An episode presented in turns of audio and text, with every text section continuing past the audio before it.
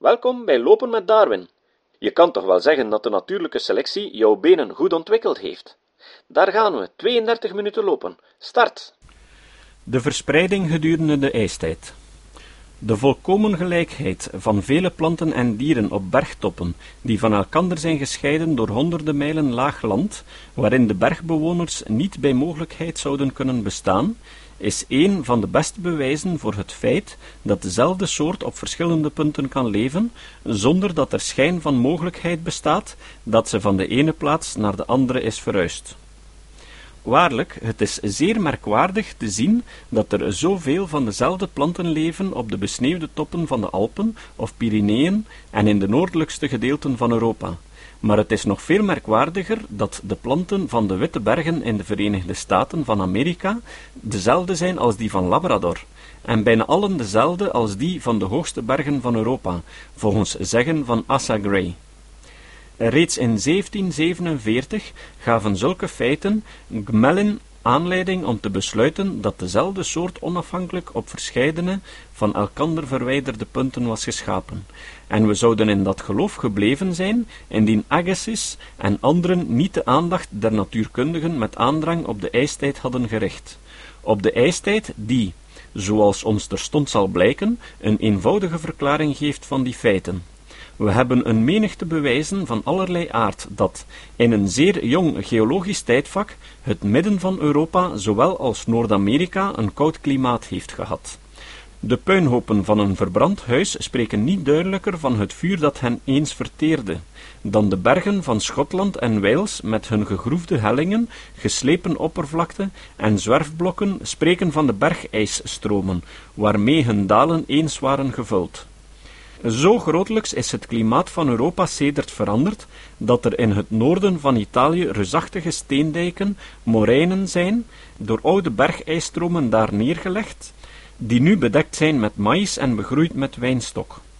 In een groot gedeelte der Verenigde Staten wijzen zwerfblokken en gesteenten door drijvende ijsbergen gegroefd en gekrast ten duidelijkste op het bestaan van een vroeger koud tijdperk.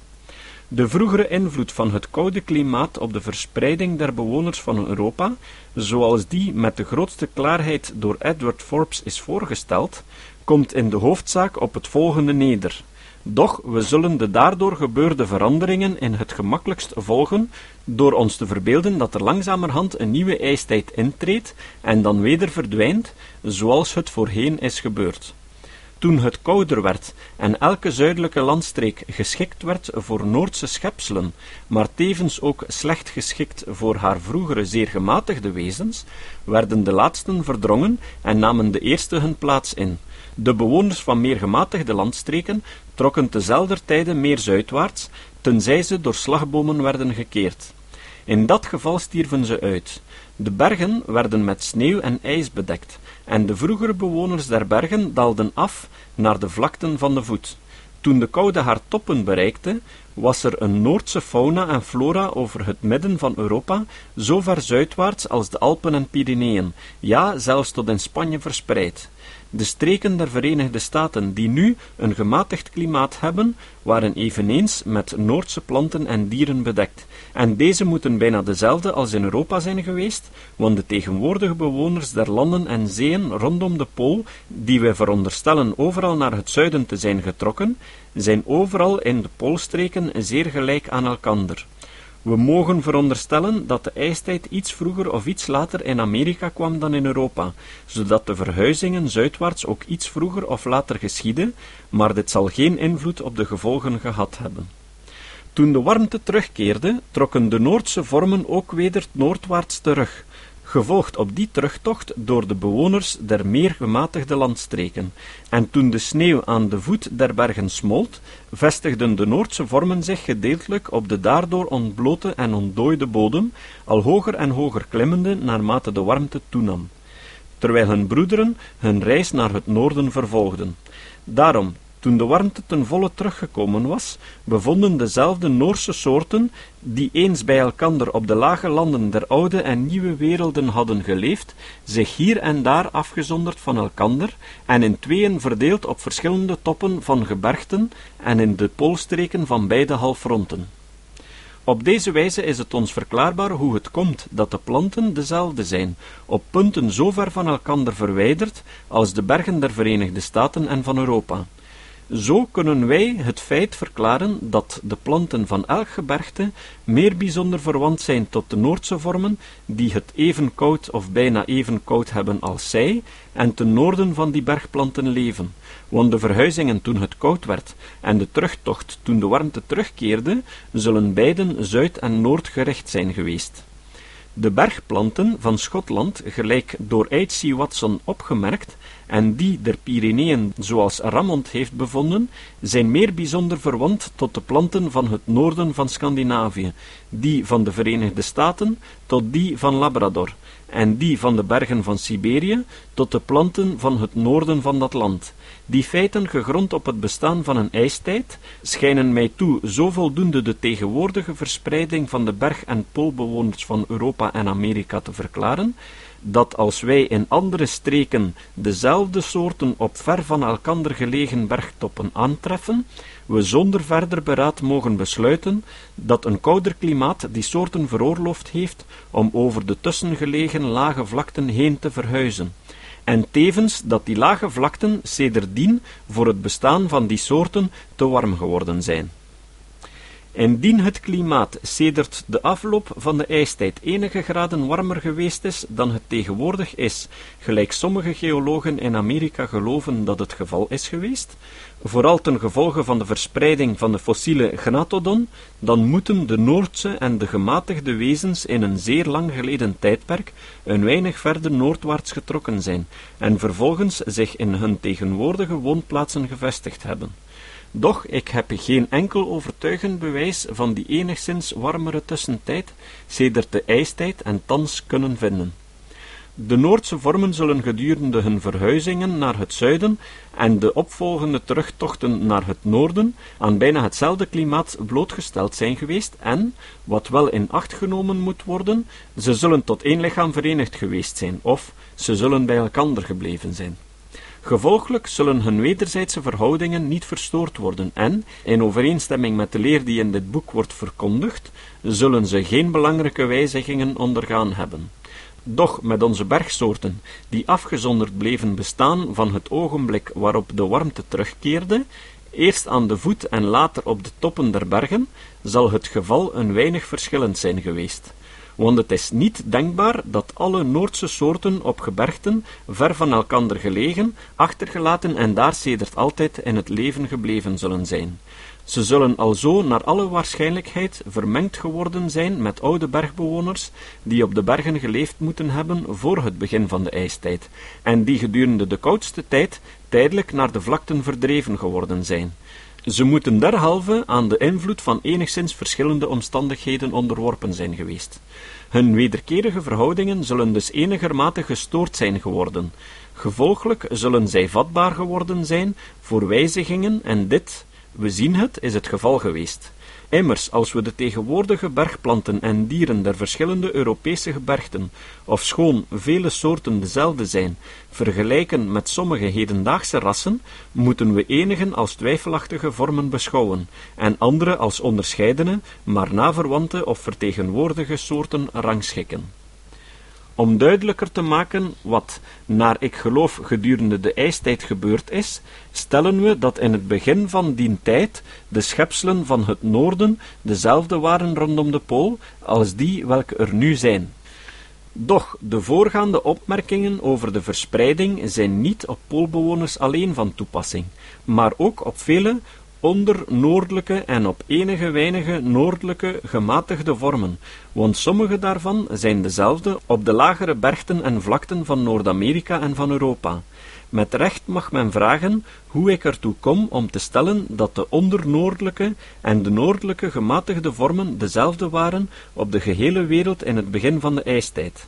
In onze dagen worden de ondernoordelijke en noordelijke gematigde vormen der oude en nieuwe werelden van elkander gescheiden door de Atlantische Oceaan en het noordelijke gedeelte van de Stille Zee. Gedurende de ijstijd, toen de bewoners der oude en nieuwe werelden verder zuidwaarts leefden dan tegenwoordig het geval is, moeten zij door nog bredere zeeën gescheiden zijn geweest. Ik geloof dat de bovengemelde zwarigheid opgelost kan worden door te stellen dat er nog vroegere klimaatveranderingen van een tegenovergestelde aard geschied zijn. We hebben redenen genoeg om te geloven dat gedurende het jongere Pliocenische tijdperk, voor de ijstijd, en terwijl de meeste bewoners der aarde soortelijk dezelfde waren als tegenwoordig, het klimaat warmer was dan thans is. Derhalve mogen we veronderstellen dat de wezens die nu in het klimaat van de 60ste breedtegraad leven, gedurende het Pliocenische tijdperk meer noordelijk bij de poolkring op een breedte van 66 tot 67 graden en dat de echt Noordse schepselen toen op de eilanden van de schiereilanden nog nader bij de pool leefden. En als we nu een aardglobe beschouwen, dan zien we dat er onder de poolkring een bijna onafgebroken land ligt, namelijk van het westen van Europa door Siberië heen tot het oosten van Amerika. Aan dat bijna onafgebroken rondom de pool liggende land en aan de daaruit voortvloeiende gemakkelijkheid van landverhuizing heen en weer in een meer gunstig klimaat, schrijf ik de gelijkheid toe van de ondernoordelijke en noordelijke gematigde vormen der oude en nieuwe werelden in een tijdperk vroeger dan de ijstijd. Om vroeger gemelde redenen geloof ik dat onze vaste landen lange tijd in bijna dezelfde betrekkelijke verhouding tot elkander geweest zijn, ofschoon ze hier en daar grote veranderingen van vorm en van het waterpas des bodems ondergaan mogen hebben. Ik ben zeer genegen dat gevoelen nog verder uit te strekken en te stellen dat gedurende een vroeger en nog warmer tijdperk, zoals het oude Pliocenische, een menigte van dezelfde planten en dieren het bijna onafgebrokene land rondom de pool bewoonden, en dat die planten en dieren, zowel in de oude als in de nieuwe wereld, langzamerhand begonnen naar het zuiden te verhuizen, toen het klimaat minder warm begon te worden, lang voor het begin van de ijstijd. We zien nu, naar mijn gevoelen, hun afstammelingen, meestal in gewijzigde toestand, in de middengedeelten van Europa en Noord-Amerika. Uit dit oogpunt kunnen we de verwantschap, gepaard met de zeer geringe gelijkheid tussen de schepselen van Noord-Amerika en Europa verklaren. Een verwantschap die zeer merkwaardig is als we denken aan de afstand van beide landen en hun scheiding door de Atlantische Zee.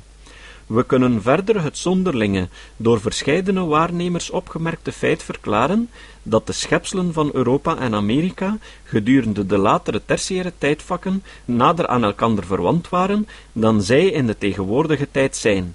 Immers, gedurende die warmere tijden waren de noordelijke gedeelten der oude en nieuwe werelden bijna een onafgebroken land, het welk als een brug diende, die sedert door de koude onbegaanbaar gemaakt is, en dus niet meer dienstig voor de verhuizingen der bewoners van het ene land naar het andere en omgekeerd. Gedurende de langzaam afnemende warmte van het Pliocenische tijdperk moeten de verhuizende soorten van Europa en Amerika, zodra zij zuidwaarts van de poolkring kwamen, volkomen van elkander afgesneden zijn geworden. Die scheiding Tenminste, wat de schepselen der meer gematigde streken betreft, moet lange tijd geleden plaats gehad hebben. En toen de planten en dieren zuidwaarts trokken, moeten zij vermengd geworden zijn met de meer zuidelijk wonende wezens, en daarmee in mededinging geraakt zijn. En dit zowel in Europa als in Amerika. Gevolglijk was alles gunstig voor grote wijzigingen, veel gunstiger dan voor de bergbewoners, die afgezonderd achterbleven op de toppen der bergen en in poollanden der beide vastelanden in een veel jonger tijdperk. Daardoor is veroorzaakt dat, als wij de thans levende bewoners der gematigde streken van Amerika en Europa met elkander vergelijken, we zeer weinig gelijke soorten vinden, hoewel Azam Gray bewezen heeft dat er meer planten dezelfde of gelijke zijn dan men vroeger veronderstelde maar we vinden in elke grote klasse vele vormen, die door sommige natuurkundigen door plaatselijke rassen en door anderen voor verschillende soorten gehouden worden, en ook een menigte naverwante of plaatsvervangende of vertegenwoordigende soorten, die voor alle natuurkundigen als soortelijk verschillend beschouwd worden. Zoals het op het land was, is het ook in de wateren van de oceanen geweest. Een langzame verhuizing naar het zuiden van een zeefauna gedurende het Pliocenische of een iets vroeger tijdperk is merkbaar langs de kusten onder de Poolkring en bewijst de gemeenschappelijke afkomst met wijzigingen van de soorten, die nu volkomen van elkander gescheiden voorkomen. Zo, dunkt me, kunnen we de aanwezigheid verklaren van vele thans bestaande en tertiaire vertegenwoordigende vormen op de oostelijke en westelijke kusten van de gematigde gedeelten van Noord-Amerika. Ook kunnen we daaruit verklaren hoe het komt dat vele naverwante schaaldieren, enige vissen en andere zeedieren leven in de Middellandse Zee en in de zeeën van Japan. Zeeën nu door een vasteland en door bijna een geheel halfrond van water gescheiden. Die verwantschap, zonder gelijkheid aan elkander, van de bewoners dier zeeën, welke thans gescheiden zijn, en ook van de verledene en tegenwoordige bewoners van de gematigde landen van Noord-Amerika en Europa, is volkomen onverklaarbaar uit het oogpunt van een onafhankelijke schepping. De aanhangers van die leer kunnen niet zeggen dat die soorten aan elkander gelijk geschapen zijn, in overeenstemming met de bijna gelijke fysische levensvoorwaarden van elk gebied. Nee, Vergelijken wij zekere gedeelten van Zuid-Amerika met de zuidelijke landen van de oude wereld, dan vinden we landstreken volkomen met elkander overeenstemmend in alle fysische voorwaarden, maar door ten hoogste van elkander verschillende planten en dieren bewoond. Doch we moeten tot ons eigenlijke onderwerp, de ijstijd, terugkeren. We zijn al halfweg deze training. Ik geloof dat het denkbeeld van Forbes zeer ver uitgestrekt kan worden. In Europa vinden we de beste bewijzen van een ijstijd of een koud tijdperk in de gesteenten van de westkust van Engeland tot die van de Oeral, en van de Noordkaap tot de Pyreneeën. Uit vervrozen zoogdieren en uit de natuur der bergplanten van Siberië mogen we afleiden dat ook dat land op gelijke wijze werd aangedaan. In het Himalaya-gebergte heeft het bergijs op plaatsen 900 mijl van elkander verwijderd de sporen van zijn naar beneden zakken zichtbaar in de groeven en krassen der rotsen achtergelaten. En dokter Hoeker zag in Sikkim maïs groeien op reusachtige oude steendijken. Ook ten zuiden van de Evenaar hebben we op Nieuw-Zeeland het bewijs van de vroegere werking van het ijs. Dezelfde planten op zeer ver van elkander gelegen bergtoppen van het eiland groeiende, verhalen dezelfde geschiedenis. En als het waar is hetgeen men beweert, dan zien we ook een duidelijk bewijs van de invloed van het ijs in de zuidoostelijke gedeelten van Nieuw-Holland. En wat zien we in Amerika? In het noordelijke gedeelte vindt men door het ijs daarheen gevlotte zwerfblokken, op de oostkust zelfs op 36 en 37 graden noorderbreedte, en op de westkust, waar het klimaat thans zo geheel anders is, op 46 graden. Ook op de Rocky Mountains vindt men zwerfblokken.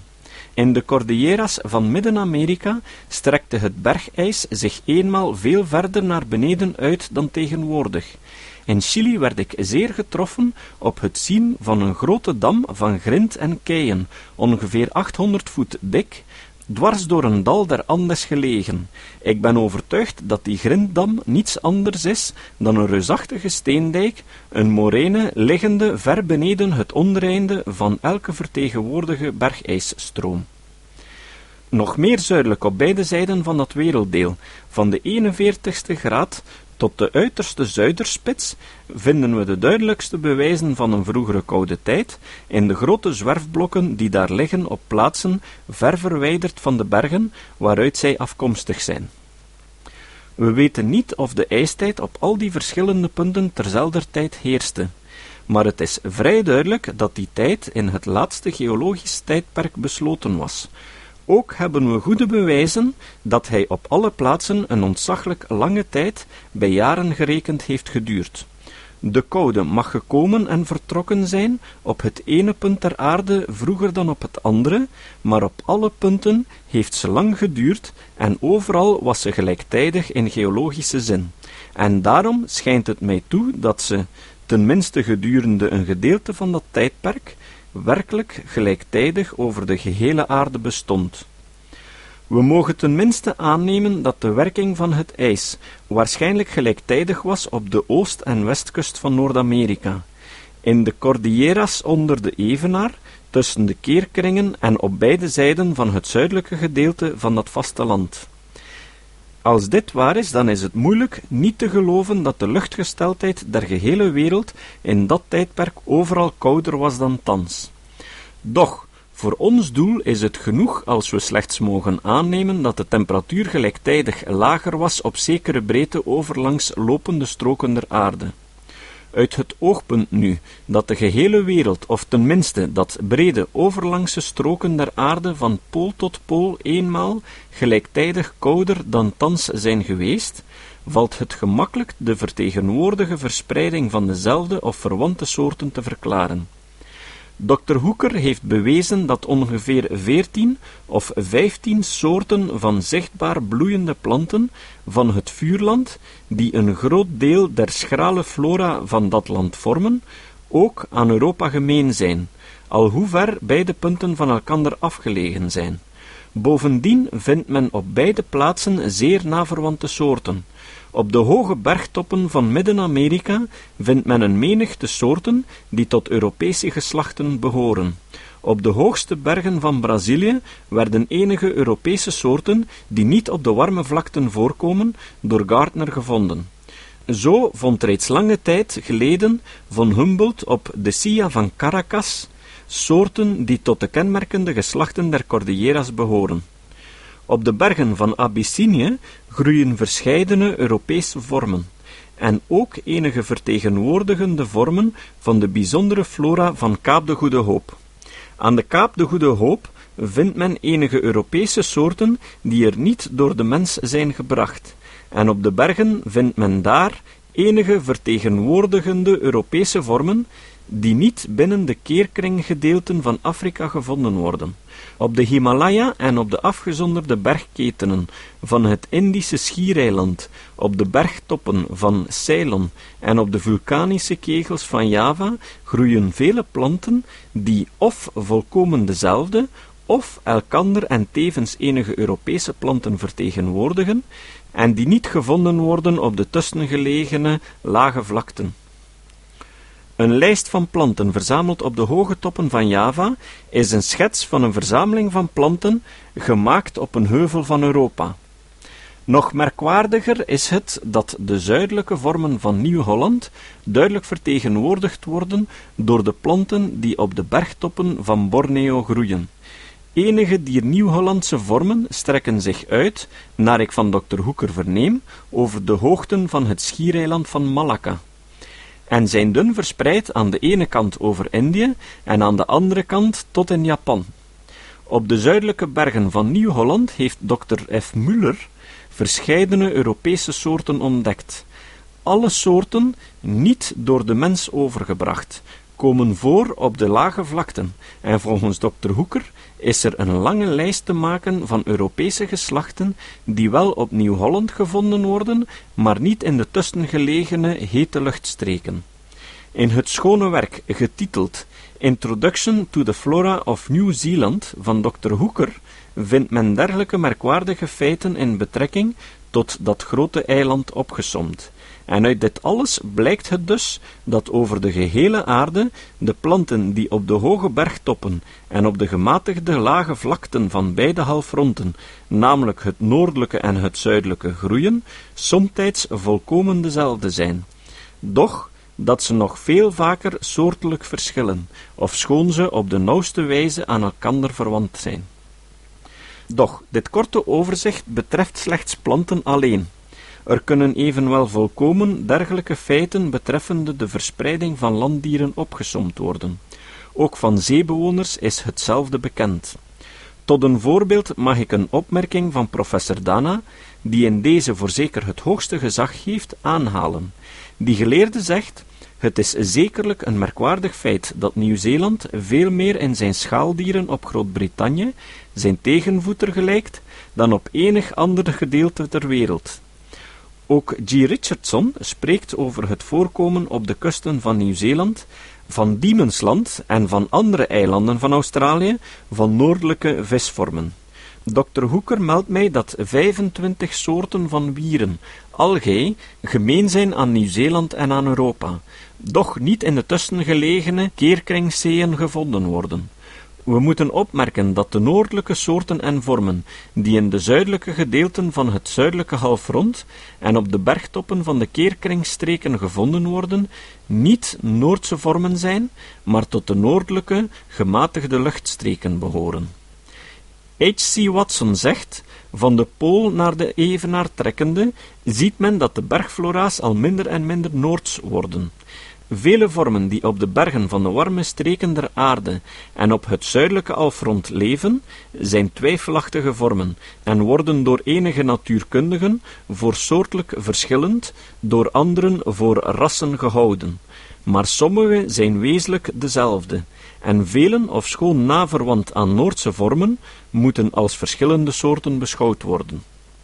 Laat ons nu zien welk licht er door de bovengemelde feiten verspreid worden over het geloof, gesteund door een menigte geologische bewijzen, dat de gehele aarde, of tenminste een groot gedeelte daarvan, gedurende de ijstijd gelijktijdig veel kouder was dan tegenwoordig. De ijstijd, bij jaren gerekend, moet zeer lang geweest zijn. En als we bedenken over welke grote ruimten inheems geworden dieren en planten binnen weinige eeuwen verspreid zijn geworden, dan moet die ijstijd meer dan genoeg zijn geweest om een ontzaglijke grote verhuizing te veroorloven. Toen het langzamerhand kouder werd, zullen alle planten en dieren der keerkringen van beide zijden naar de evenaar getrokken zijn, gevolgd op die tocht door de schepselen der gematigde streken en deze op hun beurt door de Noordse vormen. Keerkringplanten stierven waarschijnlijk grotendeels uit. In hoeverre kan niemand zeggen. Misschien bezaten de keerkringgewesten voorheen evenveel soorten als wij tegenwoordig aan Kaap de Goede Hoop en in gematigde gedeelten van Nieuw-Holland opgehoopt zien. Gevolgen van de ijstijd Wijl we weten dat vele keerkringplanten en dieren een vrij grote koude kunnen verduren, zullen er misschien vele aan de vernieling zijn ontkomen, het zij door een min of meer gematigd worden van de temperatuur, het zij door zich te vestigen in de laagste, meest beschutte en warmste gewesten. Doch we moeten daarom toch nooit vergeten dat alle keerkringbewoners min of meer geleden moeten hebben. Aan de andere kant zullen de gematigde schepselen, nadat ze verder naar de evenaar getrokken waren, of schoon in nieuwe omstandigheden geplaatst, het is zeker dat vele gematigde planten, als ze voor de mededingers beveiligd worden, in een veel warmer klimaat kunnen leven dan waarin ze thuis horen. Daarom is het, dunkt me mogelijk, in acht nemende dat de keerkringschepselen in leidende toestand waren en niet in staat waren om het intrekken van landverhuizers in hun gebied te weren, dat zeker aantal van de krachtigste en heersende gematigde vormen de inboorlingen hebben verdrongen en de evenaar bereikt hebben, of dien zelfs overtrokken zullen zijn. Die vijandige inval zal zeer begunstigd zijn geworden door de hoogte van het land en misschien ook door de droogte van het klimaat, want dokter Falkener meldt mij dat het de vochtigheid met de warmte der keerkringen is, die zo hoogst noodlottig is voor de overblijvende planten van een gematigd klimaat. Maar aan de andere kant zullen juist de vochtigste en heetste gewesten een toevluchtsoord voor de keerkringschepselen zijn geweest. De bergketenen van het noordwesten van de Himalaya en de lange keten van Cordilleras schijnen de twee grote wegen geweest te zijn langs welke de verhuizing geschiedde. Het is een merkwaardig feit, het welk mij voor enige tijd door dokter Hoeker werd medegedeeld, dat alle zichtbaar bloeiende planten, ongeveer 46 in getal, gemeen aan het vuurland en aan Europa, nog gevonden worden in die delen van Noord-Amerika, welke op de reisweg gelegen moeten hebben. Doch, ik twijfel er niet aan of sommige gematigde schepselen drongen in en zelfs door de lage landen der keerkringen in de tijd toen de koude het hevigst was, gelijk Noordse vormen zelfs 25 breedtegraden verhuisd zijn, namelijk uit hun geboorteplaatsen tot de voet der Pyreneeën. In dat tijdperk van koude was, naar ik geloof, het klimaat onder de evenaar op het waterpas der zee ongeveer gelijk aan dat het welk daar nu heerst op een hoogte boven de zee van zes of zevenduizend voet. In dat tijdperk van koude was, naar ik geloof, een grote uitgestrektheid laag land der keerkringen bekleed met een gemengd gematigde en keerkring plantengroei, gelijk aan die welke tegenwoordig met zulke grote weligheid de voet van de Himalaya bedekt. Op die wijze nu, geloof ik, verhuisden een grote menigte planten, enige landdieren en ook enige zeedieren gedurende de ijstijd van de noordelijke en zuidelijke gematigde streken naar die tussen de keerkringen, en sommige trokken zelfs over de evenaar. Toen het weer warmer werd, moesten die vormen der gematigde streken natuurlijk hoger op de bergen klimmen, wijl ze in de lage landen uitstierven. Die, welke de evenaar niet bereikt hadden, keerden noordwaarts en zuidwaarts naar hun vorige woonplaatsen terug, maar de vormen, vooral de Noordse, die de evenaar overgetrokken waren, gingen al verder en verder van hun woonplaats af naar de meer gematigde breedten van het tegenovergestelde halfrond. Ofschoon we redenen hebben om te geloven, vooral door geologische feiten, dat de gehele troep Noordse wezens nauwelijks enige wijziging ondergingen gedurende de lange verhuizingen naar het zuiden en de terugtocht naar het noorden, het geval zal toch geheel anders geweest zijn met die indringers welke zich op de gebergten der keerkringen en op het zuidelijke halfrond voorgoed vestigden. Die schepselen, door anderen aan alle kanten omringd, zullen met vele nieuwe vormen van leven te strijden hebben gehad, en het is waarschijnlijk dat vele wijzigingen in gewoonten, vorm en lichaamsinrichting daarvan het gevolg zijn geweest en hun ten voordele hebben gestrekt. En zo bestaan er dus vele van die landverhuizers, ofschoon nog ten volle door de erfelijkheid aan hun broeders van de noordelijke en zuidelijke halfronten verwant, tegenwoordig in hun nieuwe woonplaatsen, als wel gemerkte rassen of als verschillende soorten. Door Hooker ten opzichte van Amerika, door Alf de Candolle ten opzichte van Nieuw-Holland, is er vooral op gewezen dat vele gelijke en verwante planten klaarblijkelijk van het noorden naar het zuiden en van het zuiden naar het noorden zijn getrokken. 10, 9, 8, 7, 6, 5, 4, 3, 2, 1 en stop. We wandelen nog wat uit. Morgen rusten, overmorgen 30 minuten lopen. We zien evenwel minder zuidelijke dan noordelijke vormen op de bergen van Borneo en Abyssinië.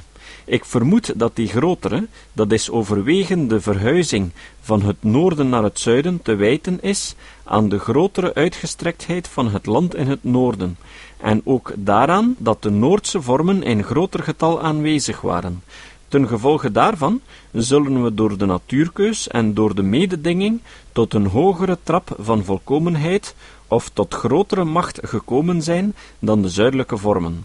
En derhalve zullen de noordelijke vormen, toen zij gedurende de ijstijd met de zuidelijke vermengd werden, in staat geweest zijn om de laatsten, die zwakker waren, te verslaan. Volkomen hetzelfde zien we heden ten dagen, namelijk dat zeer veel Europese schepselen de bodem van La Plata bedekken, en in mindere graad ook Nieuw-Holland, en dat ze de inboorlingen min of meer verslagen hebben. Integendeel, zeer weinig zuidelijke vormen zijn in Europa inheems geworden, ofschoon er huiden, wol en dergelijke dingen geschikt om zaden over te brengen, in menigte in Europa gedurende de laatste twee of drie eeuwen uit La Plata en sedert de laatste twintig of dertig jaar uit Nieuw-Holland zijn ingevoerd. Iets dergelijks moet er op de bergen tussen de keerkringen zijn gebeurd. Er is geen twijfel aan of zij waren voor de ijstijd begroeid met inlandse bergplanten, maar deze zijn bijna overal grotelijks geweken voor de meer heersende vormen, gevormd in de grote en meer volkomen ingerichte werkplaatsen van het noorden.